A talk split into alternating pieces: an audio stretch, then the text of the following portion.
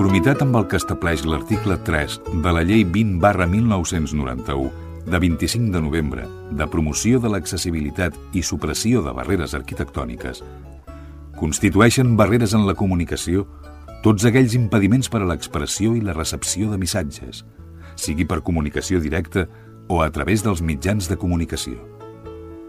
És per això que, emparant-nos en aquesta llei, volem que cada ciutadà gaudeixi del seu propi espai per moure's. Un espai sense censura. Un espai en què vosaltres sigueu els protagonistes. En definitiva, un espai per tothom. Benvinguts a Espai Vital.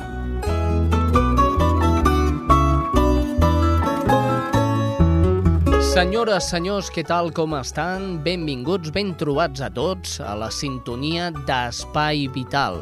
Recordin aquest programa produït per les emissores de Ripollet, Cerdanyola, Montcada, Barberà i Santa Perpètua. I com no, coproduït amb les persones que eh, realitzem aquest programa. L'equip, per començar i per deferència, la nostra cuinera, Teresa Diviu, que com sempre ens porta el plat adaptat de la setmana. Teresa, hola. Hola, bon dia a tothom. Què, què ens faràs avui? Avui plat me l'han explicat. I com que me l'han explicat i és xulo, us Sí. el donaré. Bueno, però si jo t'he preguntat el bueno, plat. és eh, mandonguilles amb pèsols i salsa de tomàquet amb uns ous estrellats. Això, això. Oh, oh, Oh, quina pinta que té. I aquest que ha parlat ara és el nostre xiquitín, l'investigador de les notícies que apareixen al blog d'Espai Vital. És l'Alfredo Ángel Cano Toledo de Todos los Santos, María de Ter, Teresa de Ja. Hola, buenos Hola. días. Què bon tal? dia. Aquí posa Molt nostra bé. Maria Teresa. Molt bé, els controls tècnics avui ens acompanya el Toni Miralles, aquí, a la realització i edició d'aquest programa, un servidor, Xavi Casas. Comencem.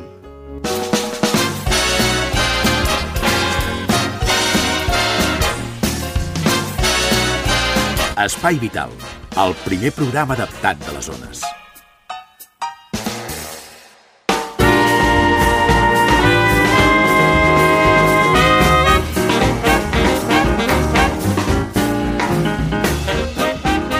En pleno siglo XXI comemos mejor. Nuestra alimentación es más variada. Vivimos más cómodamente. Tenemos más higiene, calefacción, agua potable y sin embargo cada vez hay más enfermedades crónicas incurables. ¿Dónde está la clave? Pues se lo preguntamos rápidamente al doctor Félix Elorza, el expresidente de la Sociedad Andaluza para el Estudio de los Alimentos como causa de enfermedad crónica. Doctor, buenos días. Hola, buenos días. ¿Qué, qué hay de cierto en todas esas afirmaciones? Bueno, pues habría que matizar un poquito, ¿no?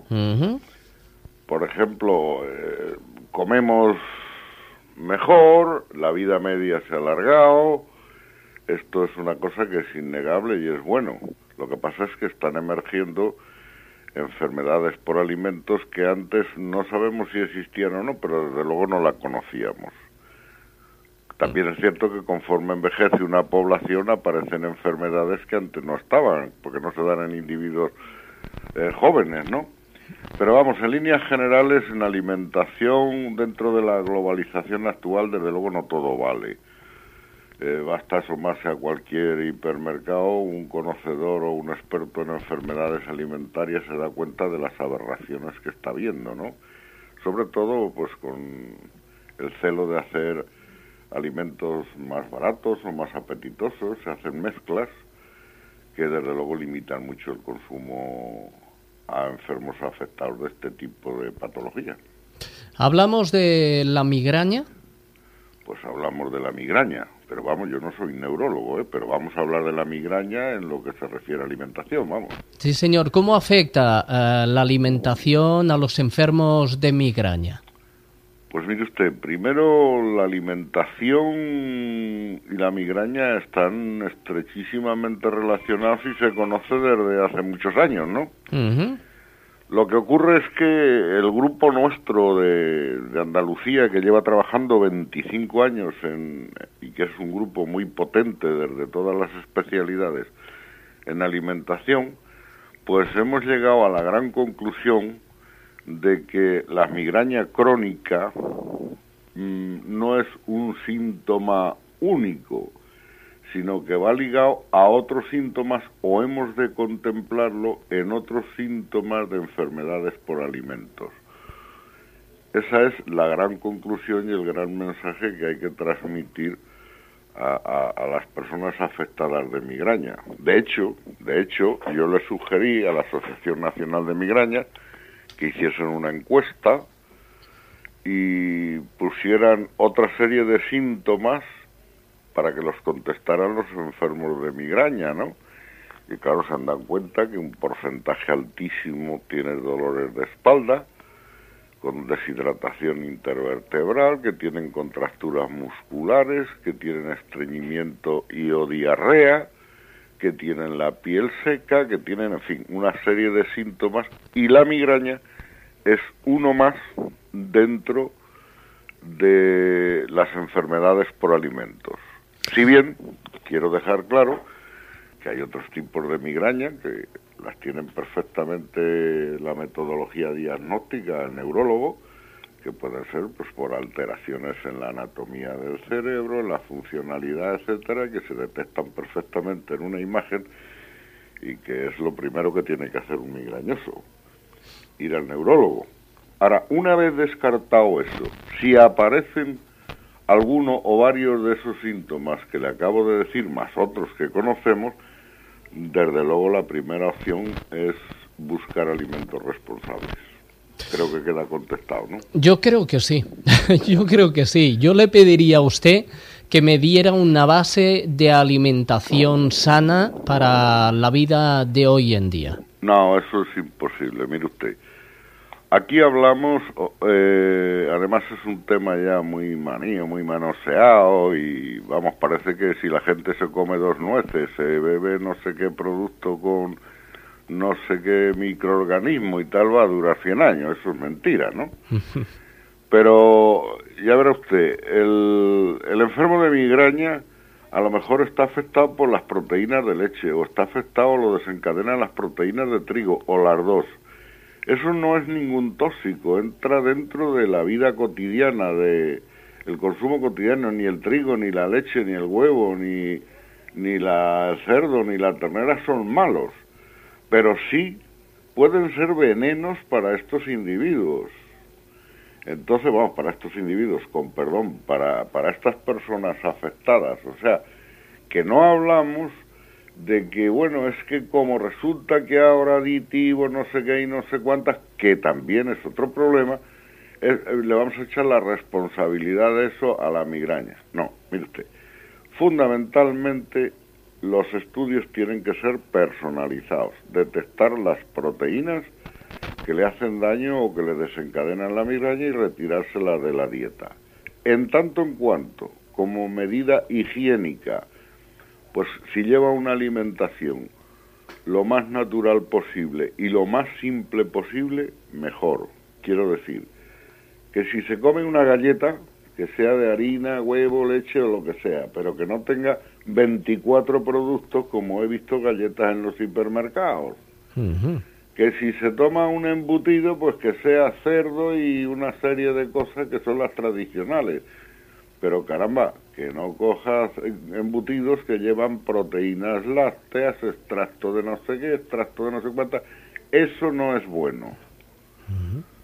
¿Queda un poquito contestado? sí, sí, si hablamos de Vamos, sin querer ser un ejemplo de nadie, ¿no? Pero hay que volver un poquito a la olla. Muy bien, doctor. ¿Y hay algún alimento que sea en, en demasía, en demasía, tomado en demasía, em, sea muy perjudicial eh, para un tipo de migraña o otro? Bueno, en las estadísticas que nosotros tenemos, los alimentos más prevalentes, lógicamente, eh, son aquellos que se consumen con más frecuencia. Entonces, bueno, pues la leche, pero no es porque la leche sea mejor o peor que otra cosa, sino porque es el alimento que con más frecuencia se consume. Entonces, es el alimento que con más frecuencia encontramos nosotros positivo. Después puede estar la harina de trigo, puede estar, eh, en fin, son alimentos frecuentes, los que nosotros encontramos como responsables. También encontramos excepciones, ¿no? Pues con el amarillo de quinoleína, con, con los bisulfitos, etcétera. Pero eso ya son cosas más puntuales. Muy bien, doctor. Entonces, eh, su consejo a todas aquellas personas que ahora mismo estén escuchando el Spy Vital es que coman de todo, no en demasía, y que sean sobre todo productos naturales. Mire usted, mi consejo. Una persona que debute con una migraña. El primer consejo que le tengo que dar es que debe de ir a un reconocimiento neurológico. Eso lo primero. ¿Por qué? Porque si existe algún problema anatómico, si existe algún problema funcional, es el momento, cuanto antes se le ponga freno, mejor. Ahora, una vez descartado eso, una vez que hemos descartado que tal, pues el neurólogo debe de profundizar en otros síntomas y debe de ser conocedor de otros síntomas inducidos por alimentos. Y si eso es así, la máxima posibilidad de diagnosticar la etiología de la migraña, indudablemente, es investigar qué alimentos son los que pueden ser responsables. Y entonces hablaremos de curar la migraña, no de tapar el síntoma. Esa es mi, ese sería mi mensaje más importante, ¿no? Eh, Y desde luego alimentos, cuanto más sanos mejor, cuanto más simples mejor, porque claro, en la medida que tocamos 17 tenemos 17 posibilidades más de, de meter la pata, ¿no? Muy bien, pues está claro, doctor. Eh, comer sano, comer lo justo, visitar Eso al, siempre, siempre ha sido muy bueno. Eh, visitar al neurólogo, que es importante siempre y cuando se presienta que uno puede tener una migraña por Y un lo último, la medicación sintomática. sí, Eso es lo último. la medicación sintomática. Exacto, porque la medicación sintomática a la larga también puede acrecentar el problema. E incluso el exceso de ella, ¿no? Efectivamente. Muy bien, pues Pero vamos, no digo más que no supieran los romanos y los fenicios, ¿eh? Lo que ocurre es que las cosas se nos olvidan. Muy bien, doctor. Doctor Félix López Elorza, presidente de la Sociedad Andaluza para el Estudio de los Alimentos como causa de enfermedad crónica.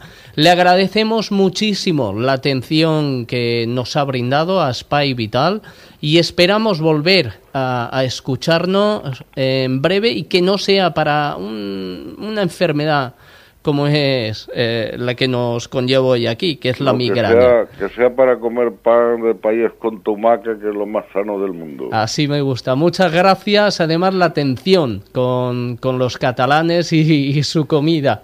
Gracias. supuesto. A- Muchas gracias a Hasta luego. Buenos Adiós. días.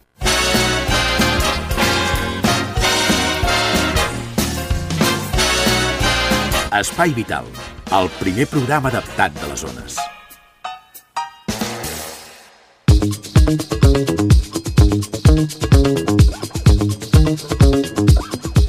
Senten, dic que ja ho senten vostès, això és la sintonia roda corresponsals del Vallès Occidental. No l'abarquem tota, però quasi bé, eh?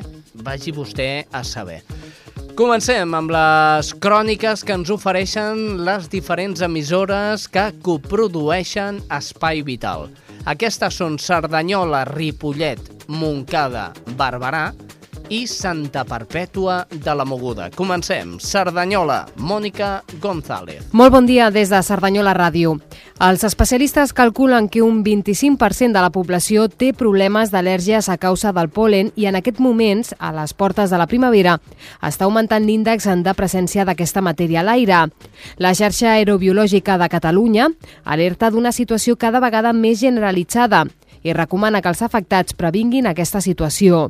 La doctora Jordina Belmonte, directora del Laboratori d'Anàlisi Palinològiques a la Universitat Autònoma de Barcelona i coordinadora de la xarxa aerobiològica de Catalunya, explica que la pluja de la tardor ha favorit la presència de polen i això provocarà un increment de les al·lèrgies en persones que fins ara només ho havien patit de forma lleugera.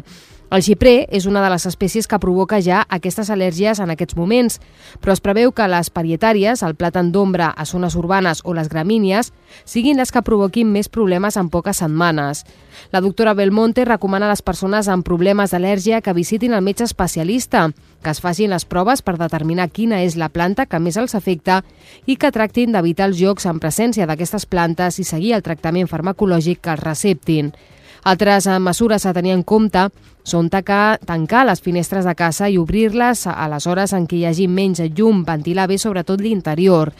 Els especialistes calculen eh, que al voltant d'un 25% de la població pateix, com deien, problemes d'al·lèrgies que poden provocar constipat, picor als ulls i, en els casos més graus, més greus, perdó, asma.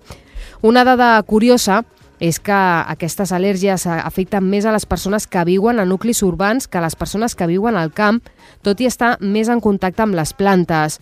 Segons la doctora Belmonte, això passa perquè la contaminació atmosfèrica potencia els efectes del polen sobre les mucoses. La gent que viu al camp està menys exposada a les al·lèrgies perquè justament per viure en contacte amb les plantes que les generen, l'organisme està més preparat.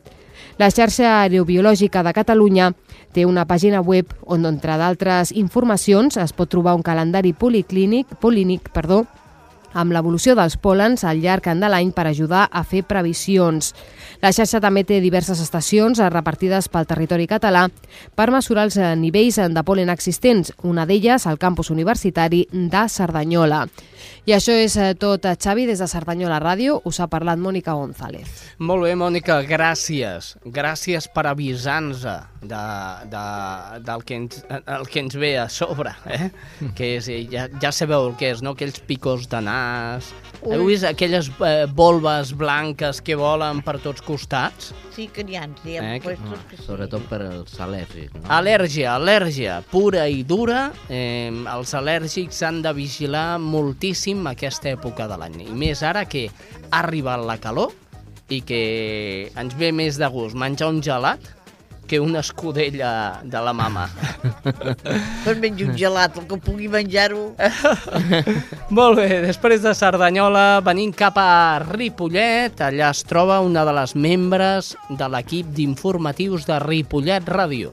Ella és la Laia Prats. Hola, Xavi. Avui des de Ripollet t'expliquem que un any més la Creu Roja ha engegat la campanya d'acolliments familiars amb l'objectiu de promoure l'acollida en família d'infants que, degut a circumstàncies adverses, no poden conviure temporalment dins del seu nucli familiar d'origen. Per promoure l'acolliment entre famílies voluntàries, la campanya d'enguany consta de nova imatge i de nous materials. Des de 1993 s'han acollit aquest programa més de 150 nens i nenes de la demarcació de Barcelona. Actualment, 60 famílies voluntàries donen acolliment familiar al 18% al Vallès Occidental. Les famílies interessades a convertir-se en famílies d'acollida passen per un procés d'estudi i valoració que inclou entrevistes psicosocials i un curs de preparació a càrrec d'un equip professional format per psicòlegs, treballadors socials i educadors socials. Les famílies interessades en el programa d'acolliments familiars poden trucar al telèfon 93 300 65 65 o bé a l'Assemblea Local de la Creu Roja a Cerdanyola, Ripollet i Montcada al telèfon 93 691 61 61. I això és tot, fins la setmana vinent.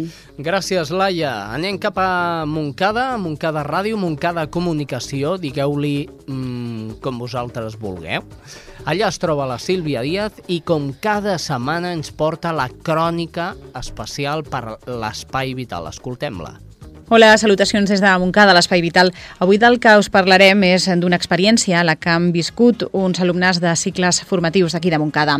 A la majoria de països desenvolupats, anar al dentista és un luxe a l'abast de ben pocs. Per això, les campanyes que organitza l'ONG Dentistes sobre ruedes a l'Àfrica tenen un èxit aclaparador. L'entitat coordina projectes per millorar la salut bucodental que consisteixen a desplaçar-hi personal voluntari i material per tractar els pacients. En l'última campanya, feta al febrer, també hi han pres part sis alumnes i tres professors professors de l'IES La Ferreria de Montcada. Els estudiants de pròtesi dental Núria Ruiz, Neus Ferrón, Marta Izquierdo i Àlex Lluc i els docents Juan Carlos Penalba i Juan Campos van viatjar a Mauritània, mentre que Marta Benito i Maria Medina, d'Higiene Bucodental i la professora Sílvia Portero, hi van anar a Senegal. Per tots ells, l'experiència ha estat única. Durant els 10 dies que ha durat l'estada, els alumnes han convertit amb els seus pacients els seus modus vivendi, dormint en jaimes o acollits a cases particulars, menjant els mateixos àpats i suportant les mateixes altes temperatures. Ara, des de la distància, professors i alumnes expliquen a enyorrança l'odissea de cada viatge amb llargs recorreguts per zones desèrtiques fins a arribar als poblats on els esperaven en candeletes centenars de pacients, alguns dels quals havien recorregut 400 quilòmetres a peu per poder aconseguir una pròtesi dental que els permetés menjar en condicions i també millorar la seva estètica. També quantifiquen el nombre de persones tractades al voltant d'un miler en el temps rècord d'una setmana i recorden com són de soferts. Mai no es queixen, tot i que n'hi havia que li, li van fer fins i tot sis extraccions de cop. Tant els estudiants com el professorat reconeixen que l'experiència ha estat molt gratificant i no descarten repetir-la. Doncs bé, això és tot eh, per avui. Fins la setmana vinent. Gràcies, Sílvia Dia, des de Montcada Ràdio. Anem corrent, corrent cap a l'altra punta, a Barberà. Allà es troba la Núria Cabrera. Hola Xavi i una salutació també a tots els oients de l'Espai Vital. Avui des de Ràdio Barberà us expliquem que el consistori ha aprovat l'acceptació d'una donació de 5 llits per persones amb mobilitat reduïda. Així, en Junta de Govern Local, el consistori va aprovar el passat dimarts dia 21 d'abril l'acceptació de 5 llits hospitalaris en donació de l'Associació Internacional de Policia per la secció espanyola. Aquests llits de l'Ajuntament de Barberà el cedirà en un futur a aquelles persones amb mobilitat reduïda que en tinguin necessitat de l'ajuda tècnica tècnica i després d'una valoració que es realitzarà pels serveis tècnics de benestar social. Cal destacar que l'Associació Internacional de Policia, la seva secció espanyola, té delegació a Catalunya i és una associació sense ànim de lucre que integra funcionaris de policia i dels cossos i forces de seguretat de l'Estat. Des de Barberà és tot. Gràcies, Núria Cabrera. Per últim ja, Santa Perpètua de la Moguda. Allà es troba la nostra companya, l'Estrella Núñez. Hola Xavi, hola amics i amigues de l'Espai Vital. Els temes de salut, d'educació sanitària, ens semblen molt atractius pel nostre programa. Per això, avui, des de Santa Perpètua, fem saber que el Centre d'Atenció Primària inicia una nova edició, la cinquena ja, de l'Escola de la Salut. Es tracta d'un curs impartit pel personal d'infermeria i mèdic de l'àrea bàsica de salut de Santa Perpètua, adreçat a la població del municipi que vulgui ampliar els seus coneixements generals sobre aspectes de la salut que preocupen. L'Escola de la Salut està formada per diverses xerrades sobre temes d'interès que es fan cada dimecres a la sala d'educació del CAP de 6 a 8 del vespre. Els organitzadors han preparat sessions les quals, en les que es parlarà sobre el funcionament del sistema sanitari, els hàbits saludables d'alimentació, d'exercici... També es faran sessions sobre higiene postural, primers auxilis, remeis casolans, prevenció d'accidents i consells per prevenir i per saber com actuar en casos d'onades de calor. L'educació per a la salut és un instrument de promoció de la salut per construir estils de vida saludables. Des del CAP es creu molt convenient que la població adulta prengui consciència de la importància d'aquesta promoció de la salut i la prevenció dels, factors de risc. Per aquest motiu, organitza aquesta Escola de la Salut que permet dotar d'eines i recursos a les persones per augmentar la capacitat de resposta davant de malalties derivades dels estils de vida. Aquestes xerrades, de caràcter interactiu, sempre han tingut molt bona acollida entre la ciutadania perpetuenca.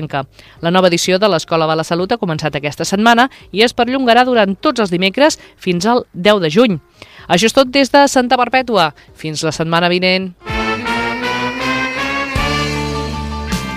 Això és Espai Vital.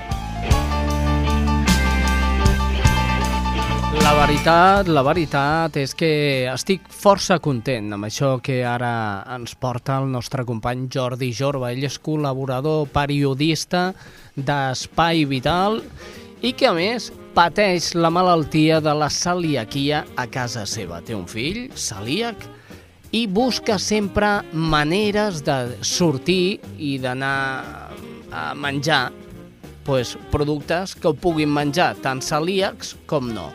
Doncs bé, el Jordi ho ha trobat, hi ha una creperia a Cerdanyola, es diu Mafalda, i fan productes gelats i, i creps que són per nanos i bueno, per tothom, per gent que tingui la, uh, la malaltia de la celiaquia. Doncs molt bé, doncs ni corto ni perezoso, perquè no sé dir ara en català, ni corto ni perezoso va agafar un micro o un telèfon mòbil i se'n va anar allà a entrevistar aquesta gent. Escolteu l'entrevista. La creperia Cafeteria Mafalda és un establiment de l'Avinguda de Canaletes número 41 a la ciutat de Cerdanyola dedicat a oferir serveis a tothom i oferir els productes a tothom però especialment també té una carta adreçada a persones celíaques, a persones que són al·lèrgiques al gluten. Nosaltres volem parlar amb la Patricia Martínez que és uh, qui està al davant d'aquest establiment i volem conèixer què l'ha dut a muntar un establiment com aquest o si més no, per què també ha pensat en les persones celíaques. Patricia, bon dia. Hola, bon dia. Patricia, què et du a muntar aquest establiment i per què penses en les persones celíaques? Ho ets tu? Has tingut coneixement de la malaltia?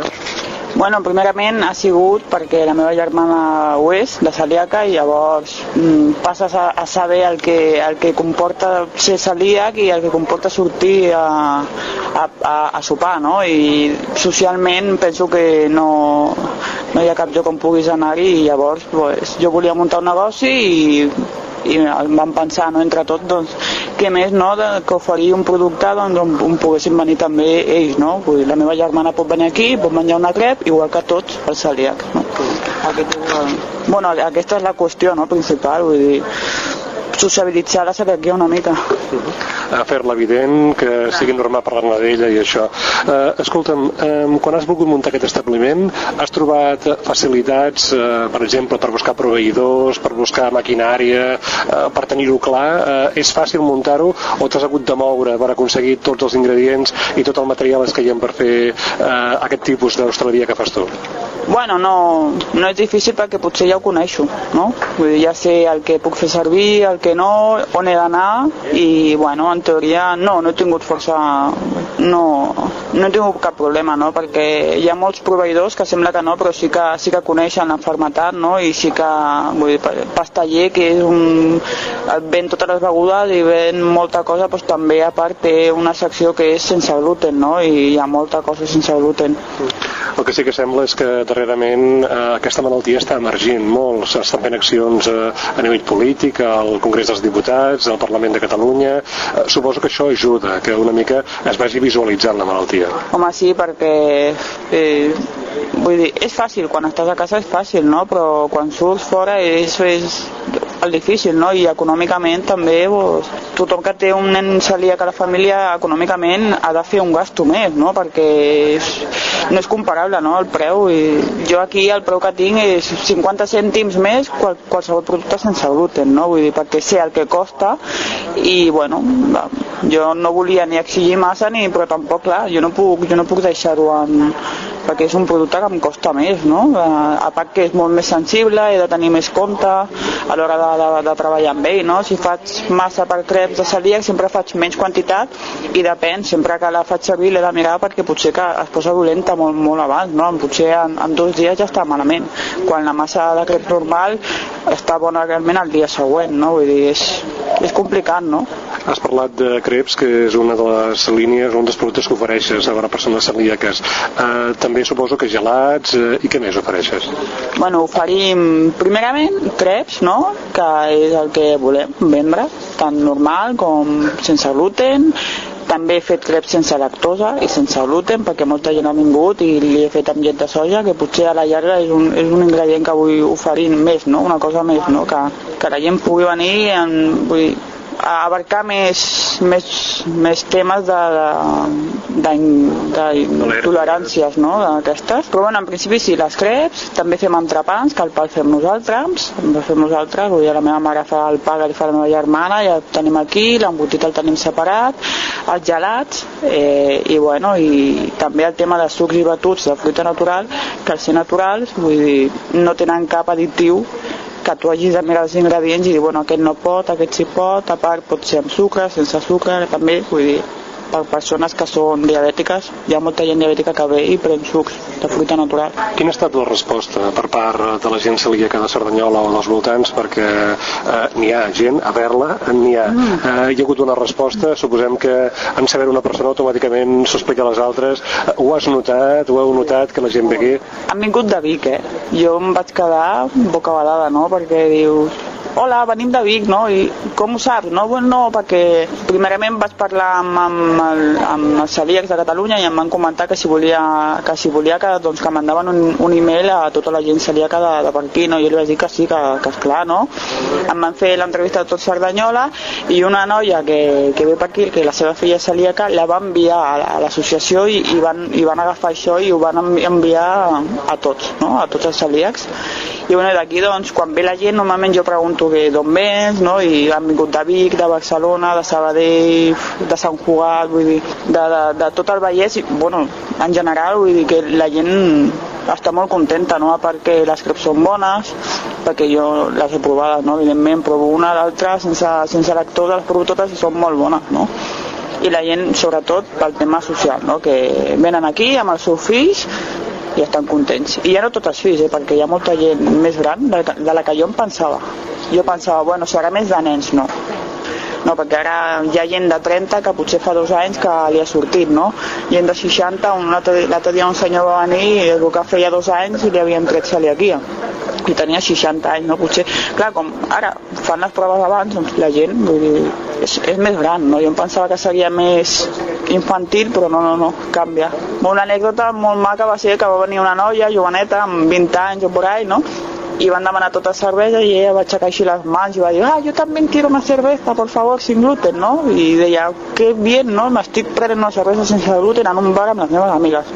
Això és el que jo vull, no? Que, que tinguin aquesta normalitat. Mm. Suposo que això és difícil de trobar-ho perquè evidentment sí que hi són els productes a més per exemple i en el cas de la cervesa darrerament Estrella Dorada ha tret una cervesa sense gluten però esclar, gent que la tingueu suposo que poca mm, molt poca, bueno jo no sabia ni que tenia Estrella amb cervesa sense gluten no? la vaig, vaig estar buscant i sí, sí, al Mercadona la vaig trobar i que al Mercadona, bueno el salvem tots, no? perquè pràcticament està molt bé. Després l'embotit que tinc, eh, amb la casa vaig parlar, em van donar un llistat i intento tenir tot el que faig servir d'embotit, de xocolata, intento que tot sigui sense gluten, tot, tant per celies com no, no? perquè com tant menys producte amb gluten tingui, millor, no? jo estic més tranquil·la perquè també a l'hora de la contaminació s'ha de mirar molt, no pateixo molt perquè mm, em fa por, no? Jo sé que ho faig bé, no? però a la mínima, la meva germana a la mínima ja es posa malalta, no? Hi ha gent que té més intolerància i menys, però la meva germana és de les que menja una, un bocinet de pa i ja... I és el que em fa patir més, no? Que vingui la gent, sobretot, i quan se'n vagi es trobin bé. Jo sempre pateixo i em quedo amb, amb aquesta... Però bueno, jo ho faig bé, tinc molta cura perquè sé el que és i, bueno, i, i sento que la gent està contenta perquè torna i potser és el que més el que més... Escolta, i, i la gent la gent, eh, per dir-ho així que no té intoleràncies eh, què, què en diu? Què li sembla? Que suposo que ho coneixen, venen eh, deies abans que el gust, el gust és el, és el mateix, sí. tot està molt bo això n'estem segurs eh, però què diu la gent? Suposo que potser sorprenen de la malaltia però els hi fa alguna cosa, no els hi fa eh, a partir d'aquí guanya, es guanyen adeptes, per dir-ho així, per la causa dels celíacs? Bueno, en general la gent no ho coneix del tot, però sí que té alguna... No? Però, bueno, ja va venir una senyora un dia a demanar-me un gelat i em va dir que si estava bo. Dic, per què? Diu, no, pues com, com no porta gluten, i jo li vaig dir, bueno, dic, tu pensa que si no porta gluten, dic, una maduixa no porta gluten. El que porta gluten és tots els estabilitzants i tot el que li posen. Vull dir, això, això que t'estàs menjant és un gelat de maduixa i a més a més és molt més sa que no pas un altre que porti gluten. És el que li vaig dir. Vull dir, no et pensis que, que no porti gluten és, és que estigui dolent o no. Simplement no porta això i, i a vegades el gluten no és, no és que sigui el pa, són els estabilitzants i, i tota la cosa que li fiquen a, a, a, al menjar que, que quan tu ja llegeixes dius, mare de Déu. Creps, sucs, batuts eh, i d'altres especialitats hostaleres les que ofereix eh, la creperia, cafeteria Mafalda. Eh, Patrícia, tens previst més endavant oferir més coses a les persones celíaques? Bueno, sí, ho tinc pensat, eh? Vull dir, a poc a poc hem començat en una cosa i jo el, el que vull és que un cop el que tinc ara es vengui bé i tot això, vull dir, a poc a poc anar posant més coses, i ja no només per celíacs, sinó per diabètics, amb llet de soja, llet, gent vegetariana, vull dir, que sigui un, que tingui una bona, una bona carta àmplia no? per, per tot tipus de gent, ja sigui perquè tenen eh, alguna intolerància o perquè simplement, mira, són vegetarians i no volen venir, no? I no volen menjar llet o vull dir, perquè ve molta gent també vegetariana, no? Pregunten i, i si a la llarga, doncs, vull, vull fer més, no? Però clar, també l'espai que tinc no, no és tan gran, no? Vull dir, si fos per mi, a veure si dintre de 10 anys puc agafar un local i, i fer un self-service, no? M'agradaria, no? Sense gluten tot, potser, no? Vull dir, sí, sí. La meva idea és, a poc a poc, anar oferint més coses, vull dir, m'agrada molt el, el meu treball també, el tema de cafeteria també està molt bé perquè he fet un curs de barista i venc cafè, cappuccino, cafè fredo, és un cafè bo, Vull dir, la crep també és molt bona, però pot ser dolça, salada, ja, independentment de que sigui sense gluten o amb gluten, no? Vull dir, surt molt bona també, la gent li agrada molt, els sucs i batuts, granissats, de fruita natural, tot això és, són coses que avui dia, vull dir, tot és, tot és sintètic, tot està mm, congelat i a fer. En canvi jo aquí tot el que tinc és, és natural, tot. Principalment perquè tot és sense gluten així no? però també perquè jo ofereixo una qualitat. No? Escolta, hem dit que la creperia que cafeteria Mafalda està a l'Avinguda Catalunya número 41, però no han dit l'horari d'atenció a la gent i al mateix temps quins dies teniu oberts. Quins són, Patrícia? Quin és l'horari? Bueno, ara mateix estem treballant de dilluns a divendres, de 8 del matí fins a les 11, 11 i mitja, vull dir, a demanda no, de la gent. Normalment, normalment a, a les 11 o dos quarts de, de 12 ja, ja estem tancant, no? Depèn. Si hi ha gent, no. Si no n'hi ha, doncs sí que tanquem, perquè després el dia següent he de, venir, de venir jo, no? El cap de setmana obrim a dos quarts de nou, tanquem a dos quarts de dues i obrim a dos quarts de cinc i tanquem igual que entre setmana, vull dir, a l'hora que la gent ens deixi tancar, no? Normalment la gent ve a berenar i a les 9 així es paga una miqueta, venen les quatre persones que volen un gelat o volen fer un cafè perquè dinen aquí al costat o... i ja pleguem, no? Eh, dilluns fem festa, de moment, de cara a l'estiu fem festa diumenge al matí i dilluns, tot el dia. I escolta, ja per acabar, eh, quina és aquella especialitat que hem de provar si venim eh, al teu establiment? Què és allò que seria imperdonable eh, que no tastéssim si venim cap vegada que hem de venir al teu establiment? Bueno, jo, personalment, una crep de xocolata amb plàtan i un suc de maduixa amb taronja, penso que seria el berenar perfecte. És molt, queda molt bo, és molt bo. Per llepar-se els dits. Patrícia, moltes gràcies i molta sort. Vale, moltes gràcies igualment. Saps, filla, m'he trobat a la Montserrat. Fa temps que té anèmia i amb no res es cansa. Li he dit que si era celíaca, com jo... Ai, quines coses tens, mare! Una de cada 100 persones a Catalunya és celíaca i no ho sap. Si creus que pot ser celíac, truca'ns. 902 235 422. 902 235 422. És un consell de l'Associació de Celíacs de Catalunya. Què passaria si beguessis aigua només una vegada? Que al cap de poques hores et trobaries la boca i els ulls ressecs. Se t'acceleraria el pols i tindries convulsions. Després tindries vertigen i perdries el coneixement. Què passa si dones sang només una vegada? Que al cap de pocs dies ens comencen a faltar glòbuls vermells. Després baixen les nostres reserves per fer transfusions. Tot seguit comencem a trobar que ens manquen plaquetes. Així no podem ajudar els malalts de càncer, ni podem atendre emergències. Necessitem que tornis a donar sang, com tu necessites tornar a beure aigua. Amb una vegada no n'hi ha prou. Vine a donar. Banc de sang. Estàs escoltant Espai Vital.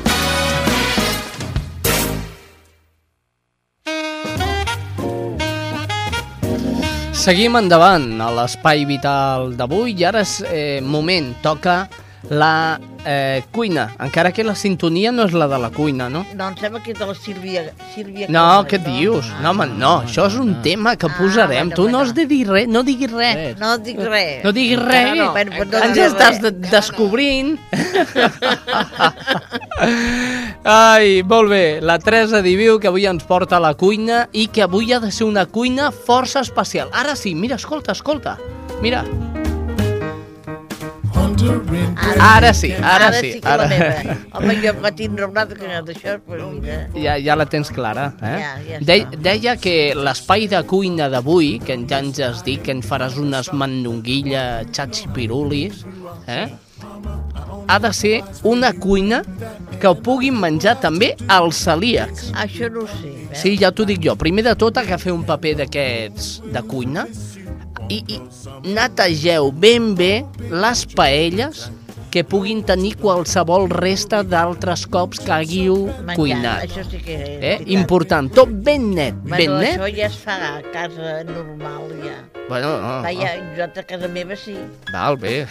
Ah, això que no n'hi ha de celíac. Ai, a, casa, a, a casa el Toni diu que no, que no ho fan, que no netegen les No, paelles. perquè una cosa agafa el gust amb l'altra. Clar. Home, l'oli deus de fregir patates fregides. Mm, Sí, el pots guardar, guardar i va fregir-hi peix, sí. coses de fregir. Però el del peix no pots fregir no, res més. No, aquell ja l'has de llançar. Agafa gust i... Sí, sí, no, ja l'has de llançar. Clar, i unes patates amb gust a peix, No, mm, no. va ser que no. Molt bé, què deia? Doncs això, avui cuinem pels celíacs i pels que no ho són. Simplement heu d'agafar productes per persones amb celiaquia. Ho podeu trobar a qualsevol establiment de caire important que tingui productes per celíacs. És fàcil però car, això també ho diré. Sí, no. Molt bé, doncs avui mandonguilles de la Teresa. Bueno, si són meves o de qui seran. les mandonguilles, bueno, donem les coses. Va, Uh, jo he comptat dues mandonguilles per cada un. Bueno, això... Són poques, Ah, molt bueno, poseu les que voleu, però esclar, com que hi ha més guarniment, doncs, esclar, un ou per cada un. Val, 250 grams de pèsols molt bé, i un pot de tomàquet triturat, natural. molt bé. Sal, pebre i oli. I molta alegria. Anem Ah, ràpidament a la ja està, preparació. Com ja ho està, fem? aquests són- Com ho fem? Bullim els pèsols, Sí. i tirem una mica de sal. Mm. Agafem una paelleta i fregiu les mandonguilles. Prèviament la renteu per allò que hem parlat abans, eh? La celiaquia. Sí. No, però, bueno, la paella, a dir... Les mandonguilles, no, mira, agafeu de pollastre o, o de vedella o de tocino, de les que vulgueu que hi hagi al mercat, les que us agradin més. Les fregiu. Pollastre, pollastre. Les fregiu. Quan les teniu fregides, les poseu un plat. Després, agafeu una altra paella i allà hi fregiu el tomàquet. I tireu sal, una mica de pebre i tireu també una mica de sucre. Ah, Allà. per l'àcid, per l'àcid, per l'àcid del tomàquet. Veus Sí. com jo ja vaig aprenent. ja és aprenent. Sí. I fregiu el tomàquet. Quan ja està quasi bé mig fregit, ja quasi bé fregit, i tireu les mandonguilles allà. Els pèsols, si ja estan cuits, també els coleu, tireu l'aigua i tireu els pèsols allà. I aneu donant voltetes que faci xup-xup. Com vagi fent el xup-xup, que feu ou per ou i els trenqueu allà dintre, que quedin, doncs mira, una a cada cantó que, que pugueu agafar bé afluixeu el fogó, allò, lent, que vagi lent després, i el tapeu amb la tapadora. Hmm. I a cap de 3 o 4 o 5 minuts, doncs ja veureu que ja s'ha collat els ous, doncs ja, ja teniu un plat preparat. I boníssim. I ha de ser bo perquè, i, ah, també si voleu, tirar-hi una miqueta de sal per sobre els ous. Ah, molt bé. Agafeu, aneu cap a la panaderia, agafeu una barra de pa Oh, i i sucant. amb això, eh, boníssim, anar sucant, anar sucant. és de- és d'aquests plats que... Eh, Té consistència. De consistència, Un plat, que sap dir- boníssim. Sempre va bé, no? És un Avui plat està- d'aquests... De... Però és per quan hi ha fred, aquest plat, no? O quan es vulgui, perquè la persona que treballa 12 hores doncs, també necessita una mica més de consistència Espera. que no pas tu que estàs Espera, és, que, és que em parles a mi i parles a l'altra banda del micro. Aquí hauria de ser Ja. televisió, això. Això. per veure't. Molt bé. I de la cuina a les notícies. Mm, són bones? Són dolentes? Eh, cercador, són bones o no? Ahí, la ahí, primera ahí, sí, la primera sí. Ahí has recortado, tu has primera sí. recortado, eh? No, no, diu, no diu, diu, els advocats del col·lectiu Ronda aconsegueixen una sentència que reconeix el dret de les persones discapacitades a accedir a les prestacions de la Seguretat Social. És una notícia que apareix al blog d'Espai Vital.